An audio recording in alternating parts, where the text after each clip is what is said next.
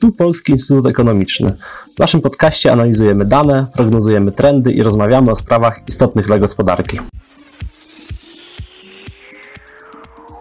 Ja się nazywam Łukasz Baszczak, jestem z zespołu Ekonomii Behawioralnej i dziś będziemy rozmawiać z Katarzyną Sierocińską z Zespołu Gospodarki Światowej. Dzień dobry.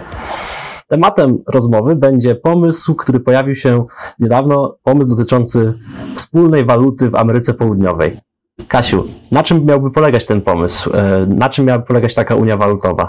Unia walutowa ma polegać na przyjęciu wspólnej waluty o nazwie SUR, czyli południe, z tym, że w takim pierwotnym projekcie, jaki jest obecnie, nie ma być to waluta, która zamieni peso i argentyńskie peso i brazylijskiego reala, tylko ma być walutą dodatkową, wyłącznie stosowaną do transakcji handlowych między właściwie tymi krajami. A w takim razie, czy mówimy tutaj także o tym, co znamy z Unii Europejskiej i ze strefy euro, czyli o wspólnym rynku, o jakiejś formie wspólnego rynku, o wolnościach przepływu kapitału i sił roboczej, czy hmm. tylko o wspólnej walucie? Argentyna i Brazylia są członkami e, wspólnego rynku południa, czyli Mercosur, od 1991 roku. W skład tego ugrupowania jeszcze wchodzi Paragwaj i Urugwaj, więc są to kraje, które już w jakiś sposób ze sobą współpracują od dawna. Tym, że obecnie jest to tylko Unia celna. Na, na tym poziomie ta integracja się zatrzymała, czyli mają zniesione cła, natomiast we, pomiędzy tymi krajami, natomiast mają taryfę zewnętrzną. E, niemniej nadal e, jest bardzo dużo utrudnień we wspólnym handlu, chociażby w obszarze jakichś e, ograniczeń pozataryfowych, ale też takich zwykłych, przyziemnych, takich jak utrudnienia w podróży, nie, nie ma odpowiedniej liczby dróg, połączeń kolejowych, punktów odprawy celnej. Także ta integracja jest, ale ona jest, no nie występuje tak, jak to, to my to widzimy u nas tutaj w Unii Europejskiej. No w takim razie nasuwa się pytanie, skąd ten pomysł, skąd ten krok się pojawił? Czy to ma być e, narzędzie właśnie przyspieszające jakoś integrację, czy ma być to narzędzie, które pozwoli, no nie wiem, w jakiś sposób pełniej wykorzystać korzyści płynące dla wszystkich państw właśnie z tego handlu między sobą, tak?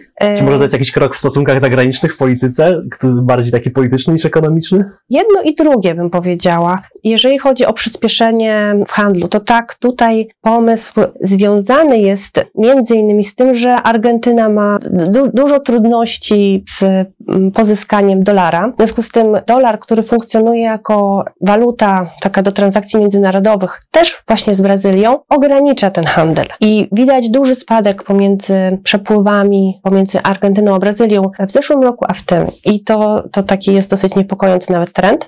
To ma wymiar też polityczny, tak, jak rozumiem? Tak, tylko że ja chciałam jeszcze jedną rzecz dodać ważną. Oprócz tego, że to ma wymiar polityczny, sam, sam wymiar polityczny dotyczy tego, że w tej chwili w Brazylii pojawił się nowy prezydent. Od stycznia tego roku jest ponownie Lula de Silva, który jest prezydentem na pewno z ugrupowania lewicowego, podobnie jak w Argentynie. Oba tego, tego rodzaju ugrupowania w Ameryce Łacińskiej dążą do odcinania się od dolara amerykańskiego. Więc posiadanie własnej waluty byłoby tym kierunkiem, który oddaliłby uzależnienie od tej waluty amerykańskiej. Czyli mechanizm jest tutaj taki, że waluty krajowe obecne są zbyt słabe, w tym sensie, że i tak trzeba korzystać z dolara, a złączenie się w Unię Walutową pozwoli stworzyć walutę no, na tyle silną, że będzie ona zastępnikiem dolara, dolara amerykańskiego, tak?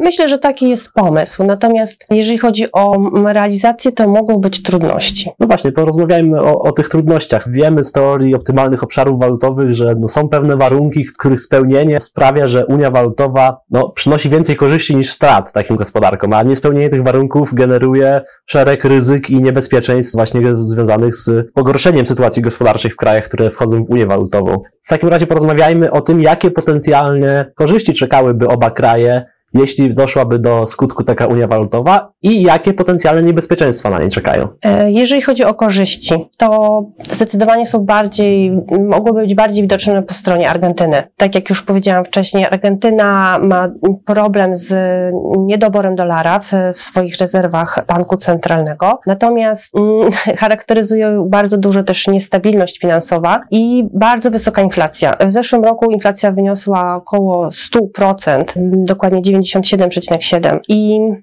stworzenie własnej waluty dodatkowej mogłoby pozwolić na kotwiczenie oczekiwań inflacyjnych. Przynajmniej tak liczą e, politycy i, i ci, którzy są za tą propozycją. Natomiast jeżeli chodzi o Brazylię, tutaj bardziej widać, widoczne są korzyści polityczne. Tak jak już powiedziałam wcześniej, e, Lula dąży ponownie do, do integracji regionalnej, do odcięcia się od dolara i to jest właśnie raczej t, t, taki cel polityczny. Natomiast ze względów ekonomicznych ocenia się, że raczej nie będzie to do końca korzystne dla Brazylii, która ma bardziej, bardziej stabilny y, system finansowy. Tam jest bank centralny niezależny, w przeciwieństwie do, do sytuacji, jaka jest w Argentynie, gdzie również bardzo częstym przypadkiem jest, następuje monetaryzacja deficytów y, y, budżetowych, także tak zwany do, dodruk pieniędzy.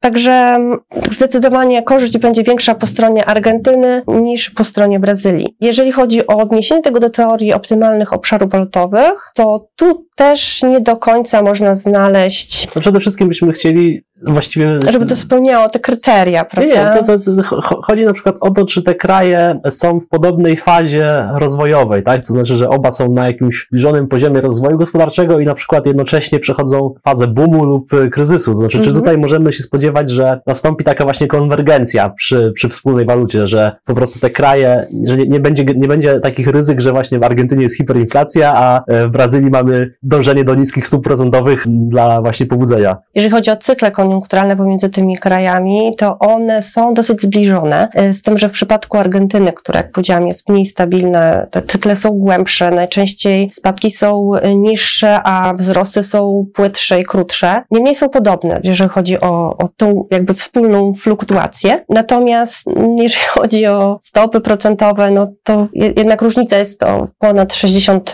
punktów procentowych, więc to dosyć duża różnica w tej chwili. Czyli byłoby generalnie ryzyko po prostu. Niesymetrycznego tak. E, zachowania się gospodarek i niesymetrycznego tak. kryzysu.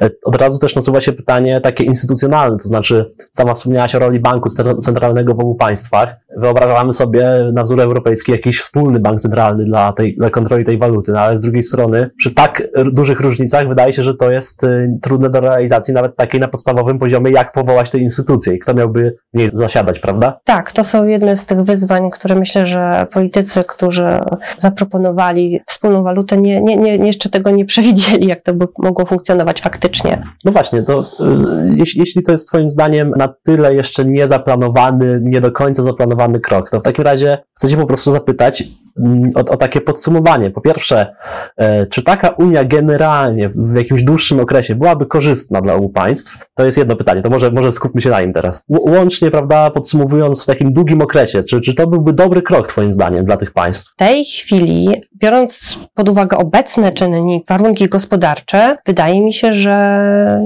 nie byłoby to korzystne dla Brazylii. Natomiast w długim terminie, żeby pokonać problemy Argentyny, które są, no, trzeba powiedzieć, no, chroniczne, ale Argentyna podejmuje próby, żeby wyjść ze swoich problemów finansowych, to być może będzie to jak najbardziej korzystny kierunek, bo są to ważni dla siebie nawzajem partnerzy handlowi. Mhm. Czy w takim razie przewidujesz, że taka Unia powstanie w ciągu na przykład dekady, dwóch? Traktat z Anuncion, gdzie, gdzie po, postanowiono, że o, o, istnieniu Mercosur już wtedy zakładał istnienie wspólnej waluty. E, minęło 30 lat, to nie nastąpiło, ale mówiąc o euro, też to był pomysł przecież jeszcze tuż, tuż po wojnie, II wojnie światowej, więc też dużo czasu zajęło. Więc być może tutaj jeszcze potrzeba może dziesięciolecia, a może nawet dwóch. Sytuacja może się zmienić w zależności od tego, jak Argentyna sobie poradzi, tak? Ona jest tutaj głównym czynnikiem. Tak, jak najbardziej a potencjalnie Mercosur, czy ta Unia Walutowa może objąć wszystkie kraje Mercosuru, rozumiem, jeśli by faktycznie okazało się, że no jest dość stabilnie. Wstępnie myślę, że tak, natomiast zasadniczo był to pomysł dla całej Ameryki Łacińskiej, przedstawiony też e, na szczycie organizacji SELA, który, która zrzesza całą, właściwie wszystkie kraje Ameryki Łacińskiej.